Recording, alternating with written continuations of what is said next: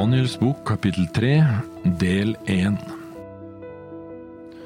I kapittel 2 så vi at Nebukaneser anerkjente Daniels gud etter at Daniel hadde fortalt ham hva han hadde drømt, og gitt ham tydningen på drømmen hans. I vers 47 så leste vi jo kongen tok det ordet og sa til Daniel, i sannhet deres gud er gudenes gud og kongenes herre. Han er en som åpenbarer hemmeligheten til, siden du har kunnet åpenbare denne hemmeligheten. Allikevel tror jeg ikke han visste noe om hvem Gud virkelig var. Han kjente ham ikke, og som vi skal se i dag, prøver han ganske snart å påvirke historiens gang i en helt annen retning enn den som Gud hadde åpenbart for kongen. Gud åpenbarte seg en gang for Israels folk ved Sinai, du finner det i andre Mosebok kapittel 19. De var eh, egentlig redd for Gud, og de lovet Gud troskap. Alt det Gud hadde sagt, det vil vi gjøre, sa de. Men det var egentlig ikke så mye verdt, for de forsto ikke at lydighet ikke bygger på frykt, men på kjærlighet, og de danser ganske snart drukne rundt gullkalven. Nå skal vi ikke dømme dem så hardt, de hadde vært i egyptisk slaveri i lange tider og det var lett for dem å gjøre Gud til den nye slavedriveren. Du er hodet av gull, hadde Daniel sagt til Nebukadnesar, og etter deg så kommer… Men kongen likte ikke det, var ikke fornøyd med det. Etter hvert som forbløffelsen over det Daniel hadde kunngjort ham i drømmens tydning, etter hvert som den la seg, så ønsket han at hans rike for alltid skulle bestå og han går derfor i gang med å lage sin egen billedstøtte, han forsøker å endre på det Gud har sagt gjennom Daniel. I første Mosebok kapittel 1 og vers 27 så står det at mennesket ble skapt i Guds bilde. Men det Gud skapte, det gikk ved syndefallet i stykker. Mennesket valgte å tro på slangen istedenfor å tro på Gud. Nå var det et annet bilde som ble satt i stedet for Guds bilde. Dersom du studerer Bibelen din, så vil du se at Gud har en plan. Vi kaller det for frelsesplanen. Den går ut på å gjenopprette Guds bilde i synderen. Jesus kom for å frelse oss fra synd, men det ønsker ikke Satan. I Daniel 3 så møter vi kong Nebukadnesar, og det han viser oss er hvordan mennesket velger bort Gud og Guds bilde, det Gud hadde åpenbart for Daniel om tydningen av drømmen, og så forsøker han å lage sitt eget. Og så setter han det inn i stedet for det Gud har sagt.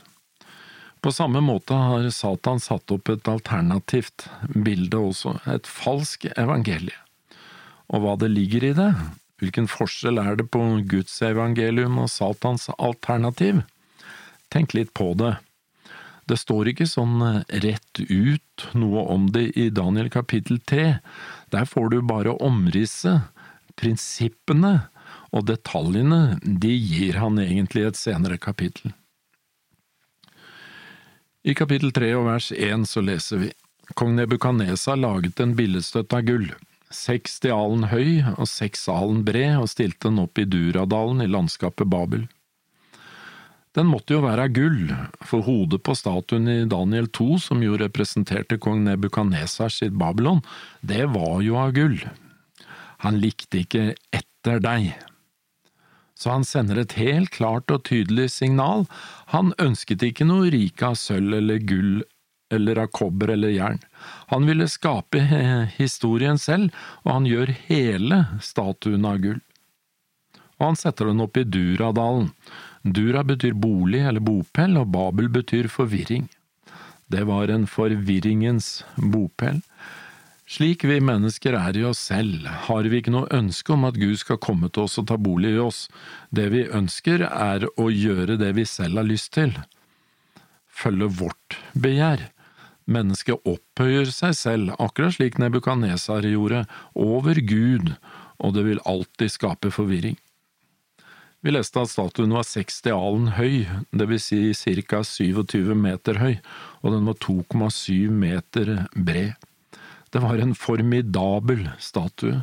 Det var ingen som behøvde å tvile på at det var kongen, Nebukadnesar, som var kongen av Babylon, og som ønsket å forme framtiden. I vers to så står det han sendte så kong Nebukadnesar bud til satrapene, stattholderne og landshøvdingene, rådgiverne og skattemesterne, de lovkyndige, dommerne og alle provinsens styremenn, og innkalte dem til innvielse av billedstøtten som kongen hadde reist. Han henter alle sine byråkrater, de som er i ledende stillinger, for å gi sine påbud størst mulig styrke. Det var en stor anledning og kongen bruker den for alt den er verdt. Da kom satrapene, stattholderne og landshøvdingene, rådgiverne, skattemesterne, de lovkyndige, dommerne og alle provinsens styremenn. De samlet seg til innvielsen av den billedstøtten som kong Nebukadnesar hadde reist, og de trådte fram foran den billedstøtten han hadde stilt opp. Og Herolden ropte med høy røst, La nå denne befaling være kunngjort for dere, folk og stammer og tungemål. Så snart dere hører lyden av horn, fløyte, sitar, harpe, lutt, sekkepipe og alle andre musikkinstrumenter, skal dere falle ned og tilbe gullbildet som kong Nebukadnesar har stilt opp. Den som ikke faller ned og tilber, skal i samme stund kastes midt inn i den brellende ilden. Hva er det som eh, skjer? Jo, kongen setter denne åpenbaring de ord han har fått fra Gud i himmelen, til side. Ikke bare setter han til side, han innsetter noe annet i stedet, og så gjør han noe som er enda verre. Han setter seg selv inn i Guds sted. Han endrer ikke bare på det Gud har sagt, han lovpåbyr tilbedelse av det bildet han selv har bygd. Da gjør han seg selv til Gud, han setter seg i Guds sted. Han bruker den verslige makten han har, til å tvinge igjennom en religiøs tilbedelse.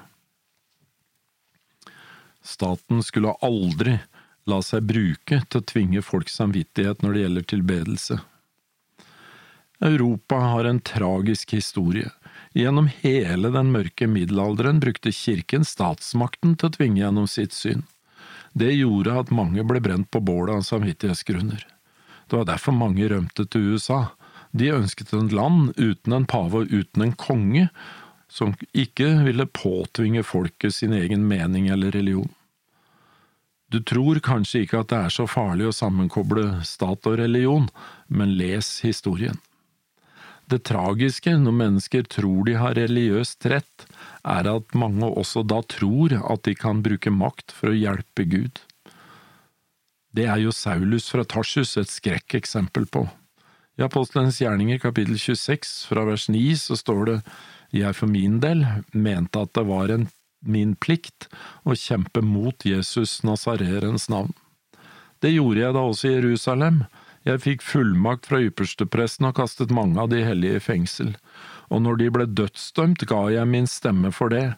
Omkring i alle synagogene tvang jeg dem ofte ved pinsler til å spotte, og jeg raste slik mot dem at jeg forfulgte dem like til byer i utlandet. Under dette dro jeg også til Damaskus med fullmakt og oppdrag fra yppersteprestene. Men han hjalp ikke Gud. Det han gjorde, var å forfølge ham.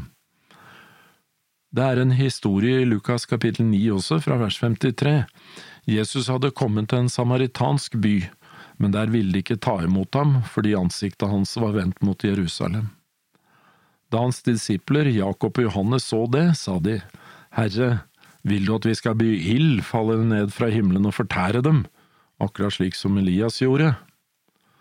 Men Jesus vendte seg om, og så talte han strengt til dem, og sa, dere vet ikke hva ånd dere er av.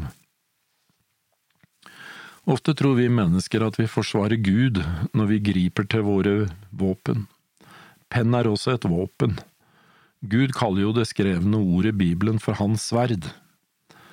Måten du kan forsvare Gud på, er ved å leve ut hans prinsipper, rettferdighet, kjærlighet, vise Guds karakter overfor andre for å elske Gud, det er jo å holde Hans bud. Og friheten til å utøve sin religion fritt har sannelig ikke vært noen selvfølge i vår verden. Det er ikke det heller i dag.